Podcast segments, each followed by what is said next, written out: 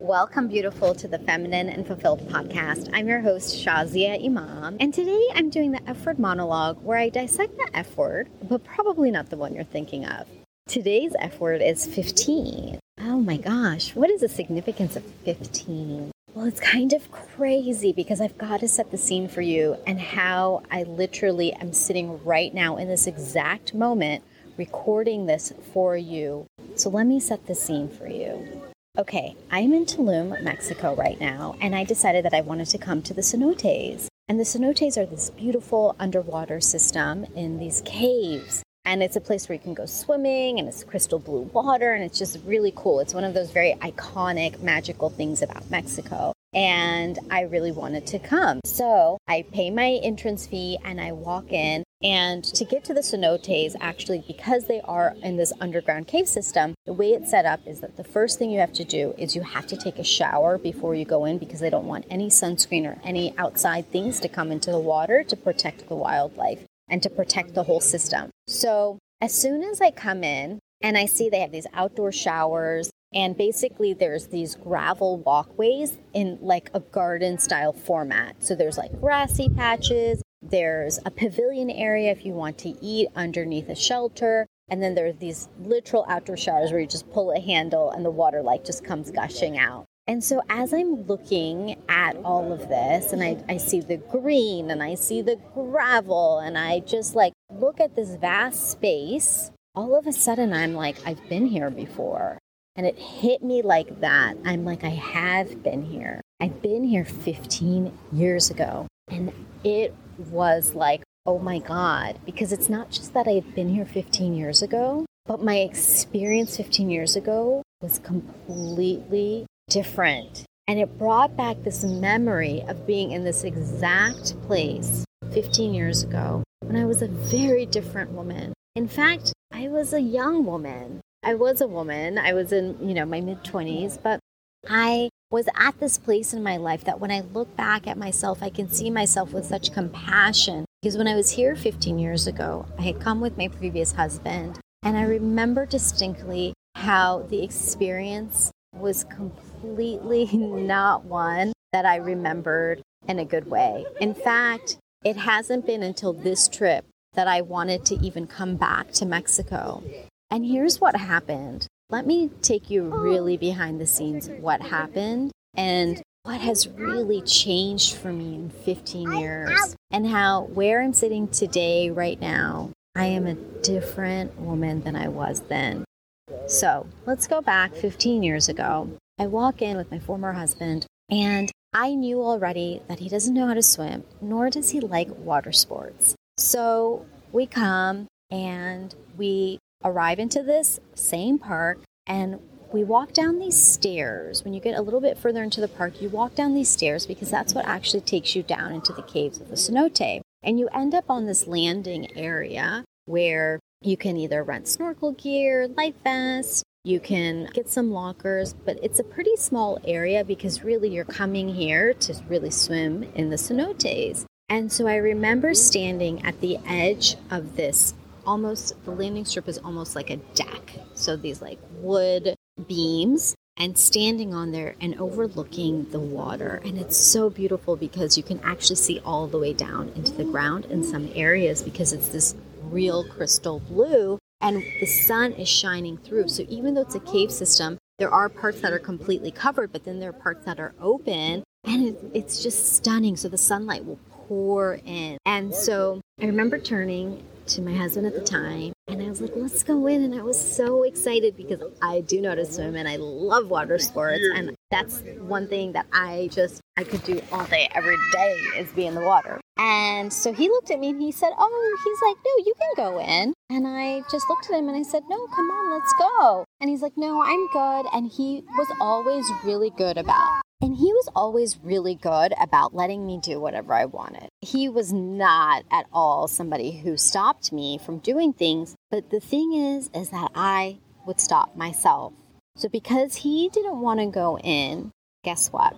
I did not. I didn't want to go by myself. I wanted us to go together or not go at all. And that was the decision I made. I made this decision to not go in, even though he didn't stop me. I can't blame it on him. But because I had this expectation of wanting to do it with him and that we would do it together and that would somehow validate this whole activity, I didn't do it. Not only did I not do it, but I got really mad. I got really, really, really upset. This was probably into like maybe our first year of marriage. This was the first trip we had even taken together. And I got really upset.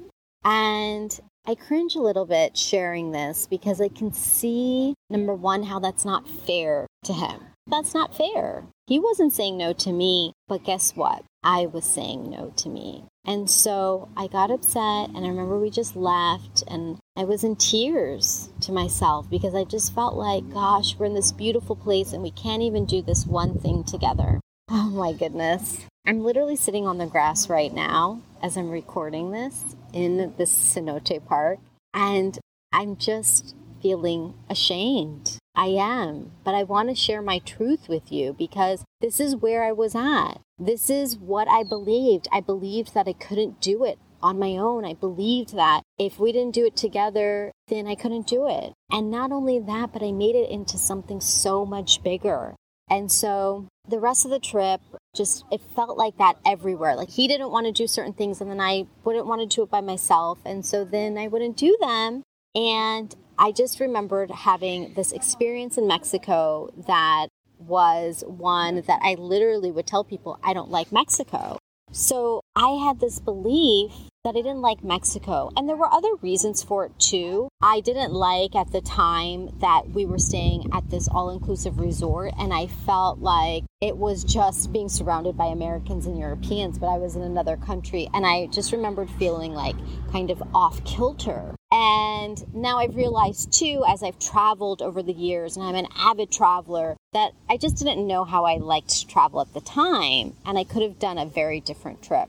But this isn't about that. I have another episode called Flying if you want to listen into my travel tips. But what I really want to share with you today is that that moment where I didn't allow myself to do something I wanted because of somebody else, because I didn't have that validation for myself to do it, but I didn't feel comfortable enough in myself to do it. I ended up messing up part of the trip and really just feeling sorry for myself you know, truth be told, I just felt sorry for me and I felt sorry for like my experience and, you know, why aren't things the way that I imagined them to be? And so I didn't come back to Mexico for 15 years. Based on my last experience, I just didn't want to come. I just didn't think Mexico was a fun place. I just thought it was too touristy. And I'd actually kind of buried this piece of me that I'm sharing with you now where I didn't have a good experience because of the expectations I had set with my spouse. And so I had allowed the vacation to not be a good experience. So, fast forward today, 15 years later, and I'm looking and I'm like, oh my gosh, I've been here before. And now I want to take you into the moment of today, of this moment 15 years later. So, what did I do? Took the shower, I got wet, I wiped off everything, and I walked down those stairs. I put my bag down, I slipped out of my flip flops, and then I stepped down into the water I stepped down into that crystal blue water and I felt the coldness. And oh my goodness, it is so cold, so cold. And I looked around and I saw the cave. I saw the beautiful rock formations and I swam and swam and then I swam into the bat cave. Did I tell you guys about the bat cave? Because there's a bat cave. Literally, there's a bat cave where the bats are sleeping overhead. These little black bats sleeping on the ceiling. And when one of them wakes up, they fly around and they make this noise and then they go right back up. And it's so beautiful. It's so gorgeous and it's so miraculous. And I enjoyed to my heart's delight and the irony the irony in coming today is that I came by myself. I came completely on my own. This is the best part of it. And if you're curious to see what this cave and what the cenote looks like and you want to experience it, I did a really special video where you can even see the bat cave. Oh my gosh. I take you inside and you can grab that at thelifeengineer.com slash podcast slash 15. They're at the show notes, so you can take a look there and you can experience the cenote too. I would love for you to experience it. So the irony is that I came by myself.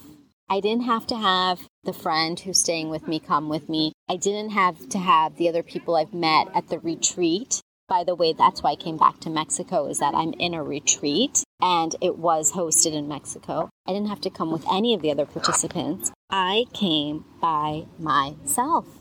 And this is huge because when I see myself 15 years later and I see all the things I've done in this time span, there's something about this moment today that really stands out too because this year in particular, I have been really learning to not just do amazing things. And I've done crazy things. I've ziplined on a mile long zip line in the cloud forest of Costa Rica. I have traveled to so many magical places. I've swam with the turtles in Malaysia. I have seen the whirling dervishes in the courtyard of where Rumi is buried. I have experienced so many things. I feel like I just need an episode of all of the various experiences that I've had. But I've done all of those things with other people. I've either traveled with friends or with groups. And this year, I have really been working on and leaning into this relationship with myself, this relationship with not just doing these amazing things, but enjoying the time with myself.